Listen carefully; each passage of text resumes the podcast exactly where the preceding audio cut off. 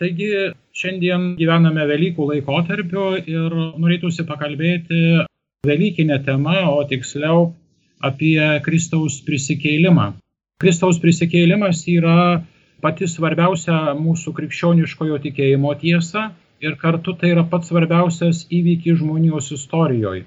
Sakoma, kad Kalėdos yra pati gražiausia metų šventė, tačiau Velykos yra pati svarbiausia.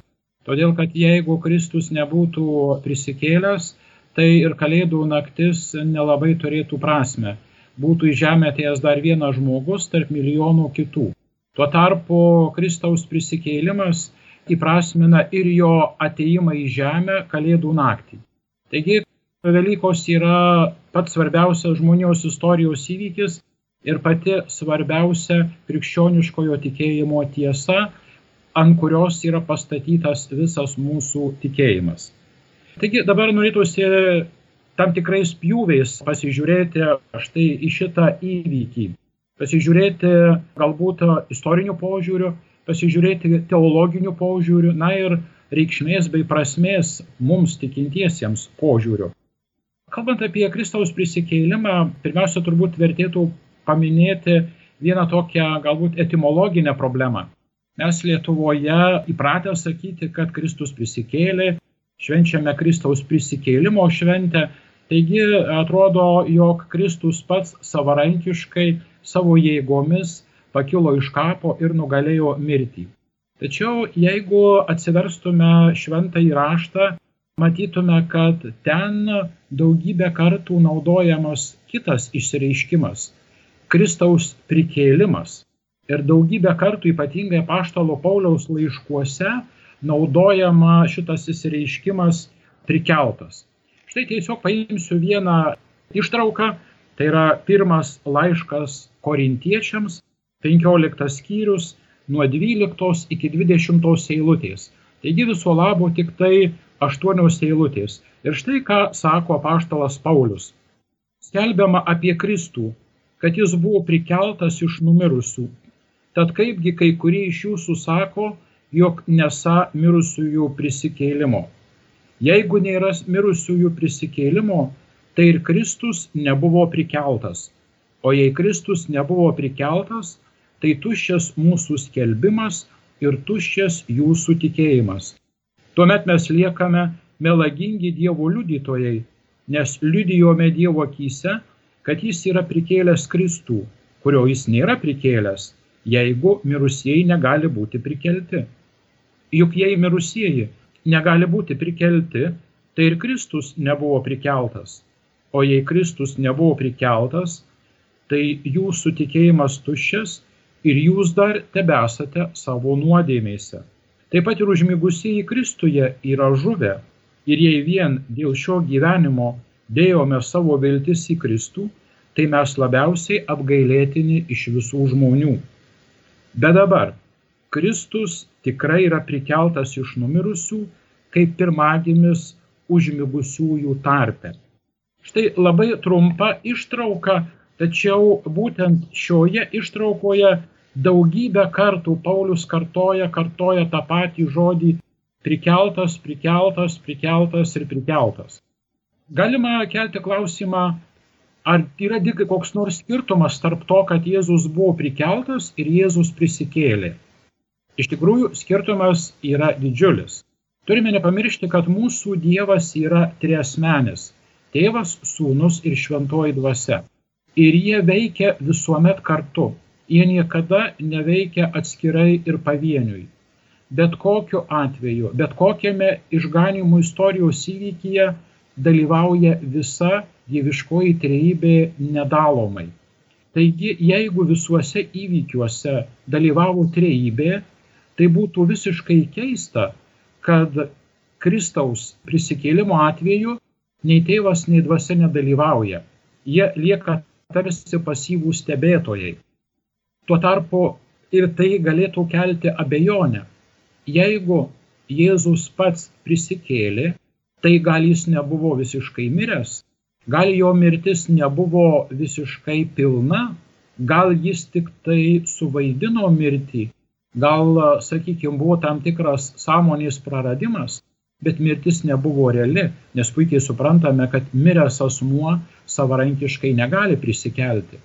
Tai štai tokiu atveju galėtume suabejoti Jėzaus mirties tikrumu, o jeigu jo mirtis nebuvo tikra, tuomet ir mūsų atpirkimas nėra tikras ir mūsų nuodėmės nėra nuvalytos ir mes galbūt dar nesame išganyti. Tuo tarpu, kada sakoma, kad Jėzus buvo prikeltas, tai iš vienos pusės parodoma, kad jis iš tiesų buvo miręs, kad realiai jis nieko padaryti negalėjo. Tačiau jo pusėn stoja Dievas tėvas. Jis siunčia šventąją dvasę, kurią žinome kaip gyvybės teikėja ir gyvybės davėja, ir štai šventoji dvasia tėvo siunčiama prikelia sūnų. Tokiu būdu šiame įvykyje dalyvauja visa trejybė, visa švenčiausioji Dievo asmenų bendryje ir kartu Kristus labai realiai yra miręs. Taigi Kristaus prikėlimas yra visos trejybės veiksmas, kurį inicijuoja Dievas tėvas per savo šventąją dvasę. Panašiai kaip ir Kristaus įsikūnymo atveju, Dievas tėvas išreiškia norą kad sūnus įsikūnytų, sūnus sutinka įsikūnyti ir sūnų įkūnyje Marijos iščiose šventoji dvasia. Matome visos treibės akivaizdų veikimą. Taigi teologiniu požiūriu teisingiau būtų sakyti, Kristus buvo prikeltas. Kristaus prikėlimas šiuo atveju turi visą eilę teologinių prasmių, kurias galbūt paliesiu šiek tiek vėliau, O dabar turbūt norėtųsi apsustoti pirmiausiai prie šito įvykio, kad Kristus atgaivinamas iš mirties, kad Kristus sugražinamas į gyvenimą. Tai be abejo žmonėm kelia nuostabą. Ir žmonėm labai sunku buvo ir anuomet, ir šiandien patikėti, kad tai gali būti. Kad miręs žmogus, palaidotas žmogus galėtų sugrįžti į gyvenimą. Todėl visais laikais būta abejonių, ar tai yra tikras istorinis faktas, ar tai nėra kokia nors na, žmonių sukurta legenda arba mitas, kuris netitinka tikrovės. Iš tiesų tai nėra legenda, nėra sugalvota istorija. Tai yra tikras istorinis faktas. Ir dabar kuo remiantis galime teikti, kad Kristaus prikėlimas yra istorinis įvykis. Visų pirma, tai liudyja istoriniai šaltiniai, naujojo testamento tekstai. Visi sutinkame, kad šventraštis yra istorinė knyga, viena iš labiausiai skaitomų ir publikuojamų knygų. Ir ji mums kalba apie tai, kad Kristus buvo prikeltas. Jau minėtas Pauliaus laiškas Be to, kai kurie kiti tekstai, pavyzdžiui, laiške romėnams, 10 skyrius 9 eilutė sakoma, Dievas jį prikėlė iš numirusių. Luko Evangelija 24 skyrius 34 eilutė ir laiškas romėnam 1 skyrius 3-4 eilutės, kuriuose sakoma, kad Jėzus buvo prikeltas. Tai šitie tekstai rašyti istoriškai datuojami pradedant maždaug 50 metais iki 60-70 metų po Kristaus. Tai yra šaltiniai. Toliau mokinių reakcija ir mokinių laikysena. Gyvo Jėzaus patirtis šokiravo mokinius, šokiravo paštalus. Jie negalėjo patys tuo patikėti. Ir pats Jėzus jiems įrodinėja savo gyvumo realumą. Štai Luko Evangelijos 24 skyriuje 25-26 eilutės kalba. Čia Jėzus sutinka Emausų mokinius, su jais kalbasi ir jie Jėzui kaip nepažįstamajam pasiguodžia, kad tikėjo juo, o jis buvo nužudytas ir palaidotas, taigi žlugo jo viltys. Ir ką Jėzus jiems sako? O jūs neišmanėliai, kokios nerangios jūsų širdys tikėti tuo, ką yra skelbę pranašai. Argi Mesijas neturėjo viso to iškentėti ir žengti į savo garbę? Taigi jis sako, apie tai buvo pranašaujama, apie tai buvo skelbta raštuose. Ar jūs netikite raštais? Kitoje vietoje, to pačio Luko Evangelijoje 38 eilutė sakoma, o jis paklausė, ko taip išsigandote, kodėl jūsų širdyse gimsta dviejonės. Pasižiūrėkite į mano rankas ir kojas, juk tai aš pats. Palieskite mane ir įsitikinsite, dvasiagi neturi kūno, nei kaulų, kaip matote mane turint. Tai taręs, jis parodė jiems rankas ir kojas.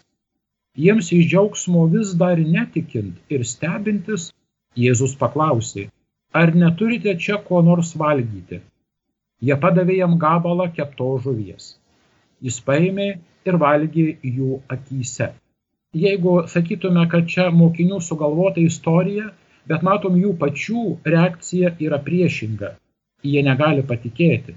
Jiems atrodo nepriimtina, jie nustebę, šokiruoti ir labai keistas toks išsireiškimas. Jiems iš džiaugsmo vis dar netikint ir stebintis. Jie mato Jėzų, kalbasi su Jėzum, džiaugiasi ir čia pat netiki. Ir čia pat stebisi. Žodžiu, jie patys sutrikę, jie patys suglumę. Žodžiu, jie patys šokiruoti to, ką dabar mato ir girdi. Ir Jėzus savotiškai jų nei bara, nei kažkaip jiem priekaištauja, tiesiog sako, įsižiūrėkite. Pažiūrėkite, įsižiūrėkite, galiausiai palieskite mane. Netgi paliesti leidžia. Ir kitoje Evangelijos vietoje, kada Jėzus ateina, jau čia Jono Evangelijoje pirmą savaitės dieną, vers 11 nebuvo Tomo. Ir kada Tomas grįžta pas apaštalus ir apaštalą jam sako, matėm prisikėlusi Jėzų, sako, aš nepatikėsiu. Po savaitės Jėzus pasirodo vėl visam apaštalų būriui ir sako Tomui, paliesk įdėk į mano žaizdą savo pirštą ir tikėk. Žodžiu, Jėzus ieško visų įmanomų būdų išsklaidyti apaštalų abejonės. Šitas argumentas rodo, jeigu apaštalai netikėjo, jeigu akistata su prikeltų Jėzumi juos glumina, tai jie nebuvo tie, kurie sugalvojo iš pirštų laužtą istoriją. Visais laikais buvo ir šiandien yra tam tikrų žmonių, kurie sako, jog mokiniai sugalvojo Jėzaus prikėlimo istoriją tam, kad pateisintų nužudytą savo mokytoją ir kad pateisintų save. Na, tikėdami Jėzų, turėjo tam tikrų lūkesčių, tačiau, kai pamatė jį nukryžiuotą ir palaidotą, jie nusivylė ir nenorėdami likti kvailio vietoje, kad reabilituotų save, jie tiesiog sukūrė prikelto Jėzaus legendą, kad savotiškai ir save pateisintų, ir psichologiškai nusiramintų. Tačiau į šitą argumentą galime duoti irgi gana logišką atsakymą. Kam sugalvoti tokią istoriją, kurią žmonės vargo ar be patikės? Juk niekas dar nematė mirusio žmogaus, kuris būtų prikeltas ir grįžtų atgal į gyvenimą. Taigi žmonės įtikinti, kad numirėlis atgyjo, yra labai sudėtinga. Norėdami pasiteisinti, jie būtų galėję sugalvoti žymiai įtikinamesnį istoriją. Na pavyzdžiui, juk buvo galima paskelbti Jėzų didžių pranašų. Senajame testamente visa eilė didžiųjų pranašų buvo nužudyti. Ir tik tai tada, kai jie buvo nužudyti, tauta juos įvertino. Sako, jie buvo tikri Dievo pasiuntiniai, kadangi pasirinko mirti, bet neįsižadėjo savo skeltos žinios. Taigi pranašų tikrumas buvo patikrinamas mirtimi. Ir tada tokie pranašai susilaukė didelės pagarbos, lygiai taip, didelės pagarbos susilaukdavo ir tų pranašų pasiekėjai. Taigi, jeigu paštalai norėjo kažkaip tai reabilituoti save, jie galėjo paskelbti Jėzų didžiu pranašu ir žiūrėkit, jis buvo nužudytas kaip ir kiti pranašai ir mes esame jo sekėjai. Be abejo, tuo žmonės būtų lengviau patikėję, lengviau prieėmę ir žmonių akise jie nebūtų atrodę kaip nevykėliai, kaip tie, kurie na, suklydo sekdami Jėzų. Jie būtų buvę iškilaus, tarkim, kaip Izaijo, Jeremijo, taip šiuo atveju iškilaus pranašo Jėzaus mokiniai. Jie būtų tikrai galėję susikurti savo gerą vardą. Bet jie kažkodėl pasirenka žmonėms visiškai nepriimtina, neįtikima Jėzaus prikėlimo istoriją. Kita svarbi detalė - tai, kad kalbam apie tuščią kapą. Be abejo, tuščias kapas dar nėra pats savaime įtikinamas įrodymas, kad Jėzus buvo prikeltas. Ir čia tiek Jėzaus laikais sklandė legenda, kad mokiniai pavogė Jėzų. Ir šiandien yra tokių nuomonių, kad neva apaštalai atėjo naktį ir nurito akmenį ir Jėzų pavogė, kažkur paslėpė ir tada paskelbė žinę, kad Jėzus gyvas. Dabar pabandykim pasigilinti, ar štai tokia versija turi pagrindo. Pirmiausiai turime nepamiršti, kad Jėzus buvo palaidotas kapo oloje. Ir ola buvo uždengta akmeniu. Tačiau neturėtume manyti, kad buvo užristas riedulys. Ant įėjimo į kapą angos buvo užstatyta akmeninė plokštė. Tai ne akumuo kaip riedulys, bet sunki masyvi akmens plokštė. Negana to, toji plokštė buvo užanspauduota. Žydų vyresnybė, girdėjusi, kad Jėzus kalbėjo apie prisikėlimą, jie norėjo išvengti bet kokių nemalonumų ir todėl nueina pas Poncijų pilotą ir prašo, kad romėnai imtųsi saugoti kapą. Valdžia duoda kareivių ir atsiunčia sargybą prie kapo. Taigi kapą dengianti plokštė yra užanspauduojama. Ir pastatomi kareiviai, kurie turi keletą dienų saugoti kapą nuo galimos vagystės. Tai dabar įsivaizduokim, kaip gali apaštalai ar kokios nors Jėzaus gerbėjaus moterys išnešti lavoną. Prie kapo būdi kareivių. Ir tai ne vienas kareivis, būdi kareivių būrys. Kaip dabar praeiti pro kareivius, nuristi akmenį ir pavokti kūną? Labai sudėtinga. Aišku, kai kas sako, kareiviai užmygo. Sunkiai tikėtina.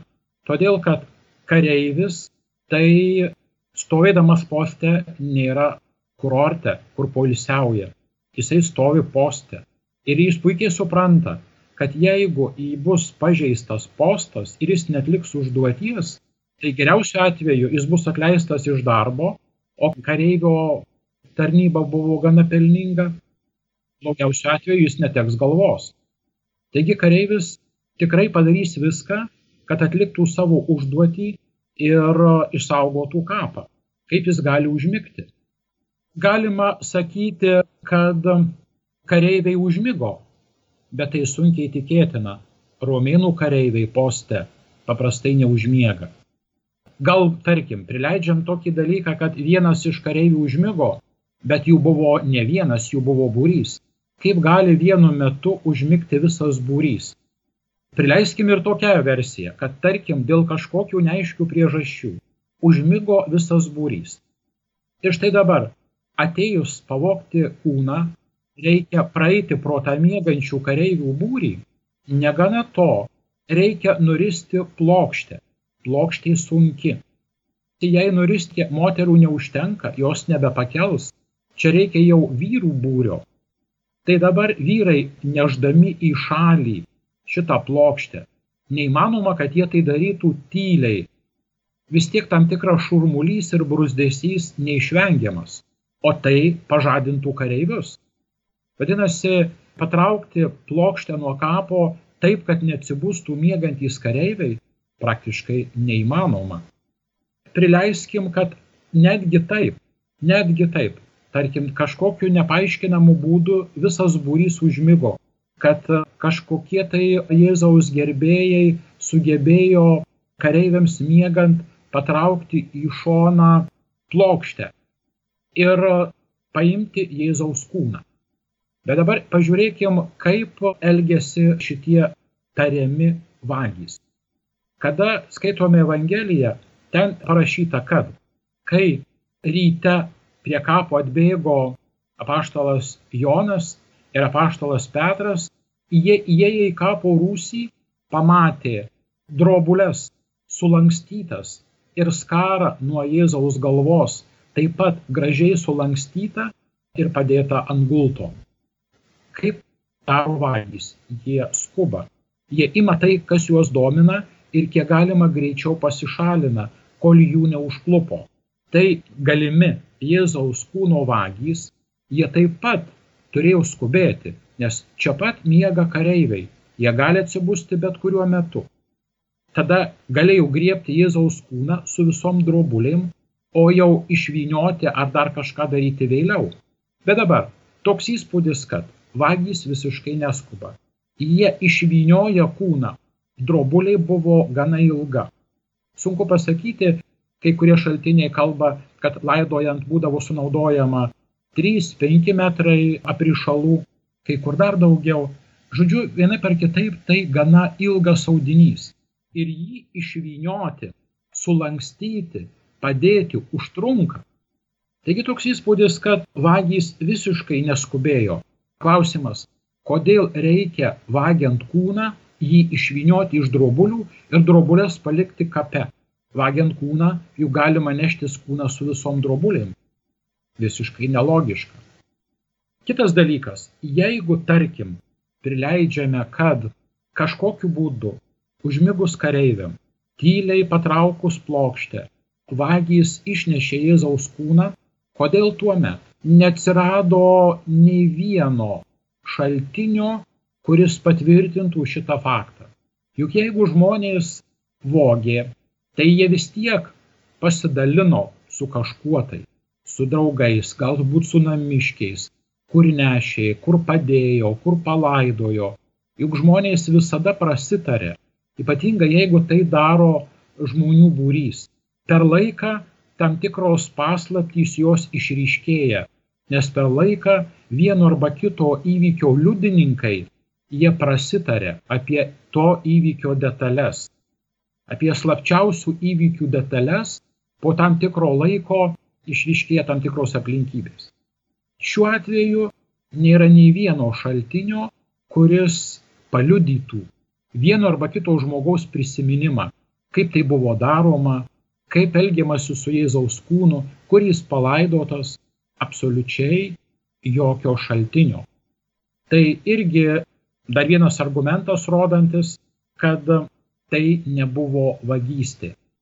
Kad tai nebuvo vagystė, kad tai vis dėlto buvo tikras įvykis. Dar viena detalė. Kada kapo dangtis arba plokštė buvo užanspauduota, tai kai kurie šaltiniai mini, kad paprastai kapant spauduojant būdavo naudojamos gana stiprios virvės ir tiesiog plokštė prišama virvėmis ir tada užanspauduojama antspaudu. Štai čia vėl kilo klausimas, kaip vagys galėjo nuristi ne tik tai plokštę, bet kaip jie nutraukė virves, anspaudais paženklintas virves, nes jos gana storos, tai jas reikėjo kažkokiu tai būdu ar nupjauti, ar nutraukti, bet nutraukimui reikia didelės jėgos galbūt nupjauti, bet tai irgi užtrunka. Tai irgi gaištamas laikas. Žodžiu, visi šie argumentai rodo, kad pavokti Kristų iš kapo žmonėms buvo nerealu. Praktiškai visos aplinkybės byloja apie tai, kad tai nebuvo tam tikra, sakytume taip, afera, kad sukurti prikelto Jėzaus įspūdį. Kalbant toliau, dar vienas argumentas rodantis, kad Kristaus prikėlimas nebuvo mokinių sugalvota istorija, jeigu skaitome Evangelijas, Velykų rytą Jėzus pirmiausiai pasirodo kam? Moterim. Ir ne paštalam, bet moterim. Ir siunčia moteris pas apaštalus. Eikite ir pasakykite. Eikite ir praneškite. Taigi Jėzus moteris pasirenka jo prikeilimo žinios nešėjomis, gerosios naujienos arba Evangelijos skelbėjomis. Pirmiausiai apaštalam. Tai dabar žiūrėkime, jeigu šitą istoriją būtų sugalvoję apaštalai, labai keistai atrodo, kad prikeilimo žinę apaštalai deda į moterų lūpas, kai anuomet moterys nebuvo laikomos patikimomis. Kitaip tariant, vyro liudijimas ir dar kelių vyrų liudijimai buvo laikomi patikimais. Tuo tarpu moterų liudijimai buvo laikomi niekiniais.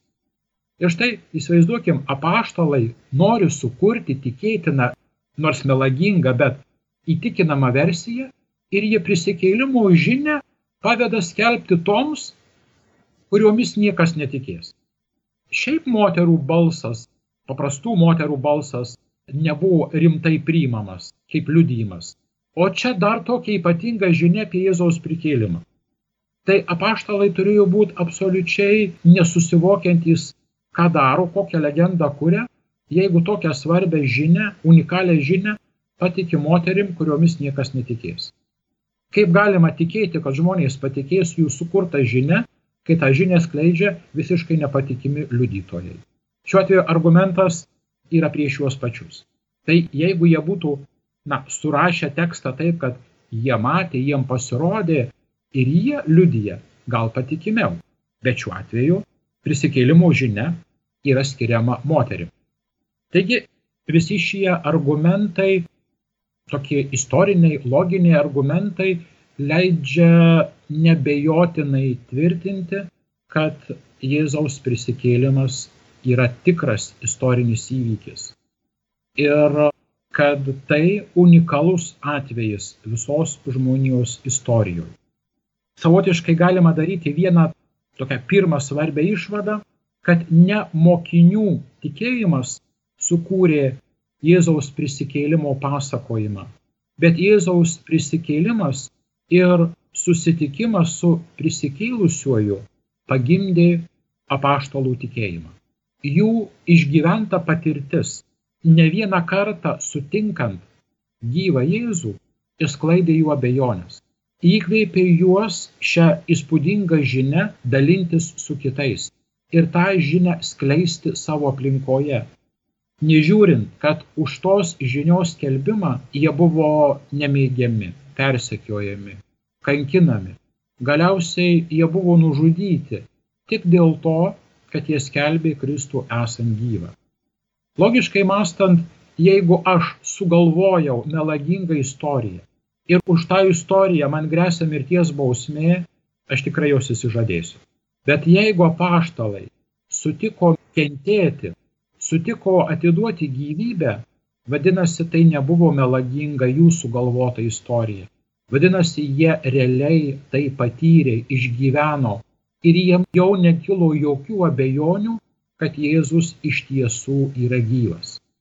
Jie įtikėjo šiuo faktu ir todėl jau nebeišsigando nei persekiojimų, nei kančios, nei pačios mirties. Ir apaštalas Paulius labai gražiai sako, mirtis man tai yra laimėjimas.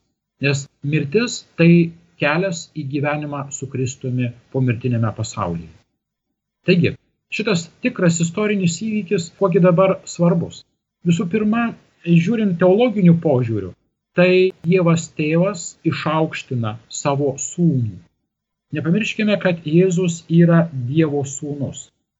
Dievo sūnus ir sūnus to, kuris norėjo žmonės išgelbėti. Jėzus tapdama žmogumi įvykdė tėvo valią. Įvykdė tėvo valią, parodydamas ypatingą nuolankumą ir klusnumą tėvui. Ir štai Dievas tėvas jo nepalieka mirtyje. Dievas tėvas stoja į jo pusę ir jį prikelia. Taigi savotiškai Dievas tėvas, prikeldamas Kristų, patvirtina jo dieviškąją sūnystę. Tėvas išaukština sūnų, pagerbia sūnų, reabilituoja sūnų. Kitaip tariant, prikeldamas Jėzų Dievas parodo, kas laukia tų, kurie bus Dievui ištikimi. Taip, ištikimybė Dievui kainuoja. Ištikimybė Dievui susilaukia patyčių, paniekos, persekiojimų. Bet Dievas stoja į to ištikimo tarno pusę, jam gražina gyvenimą, jam gražina garbę. Taigi, prikeldamas Jėzų iš mirties, Dievas tėvas parodo, kad Jėzus tikrai yra jo sūnus. Ir parodo, jog Dievas yra nesunaikinamas.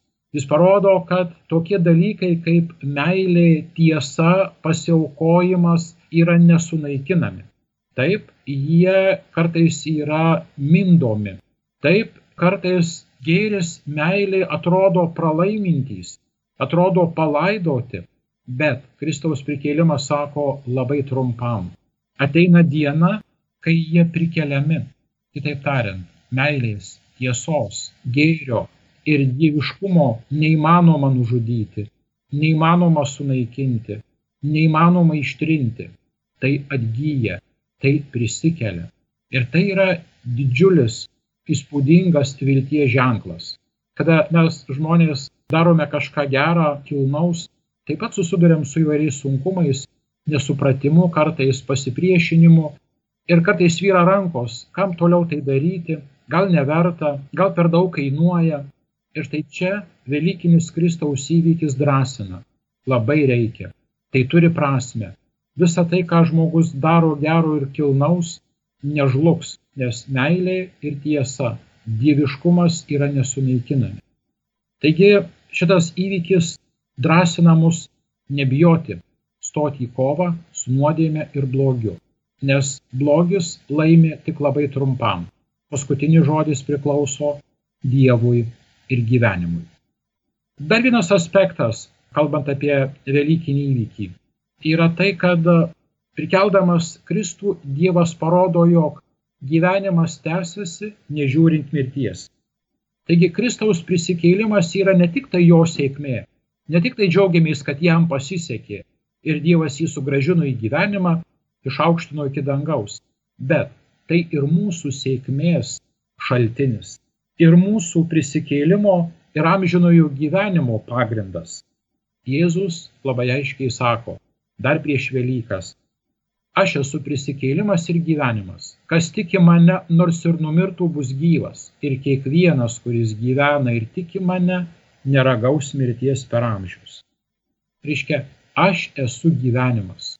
Kas tiki mane, kas susijęs su manimi, kas tikėjimo šaknimis įsitvirtina manyje, tas gyvens toliau nežiūrint mirties. Aš jį prikelsiu.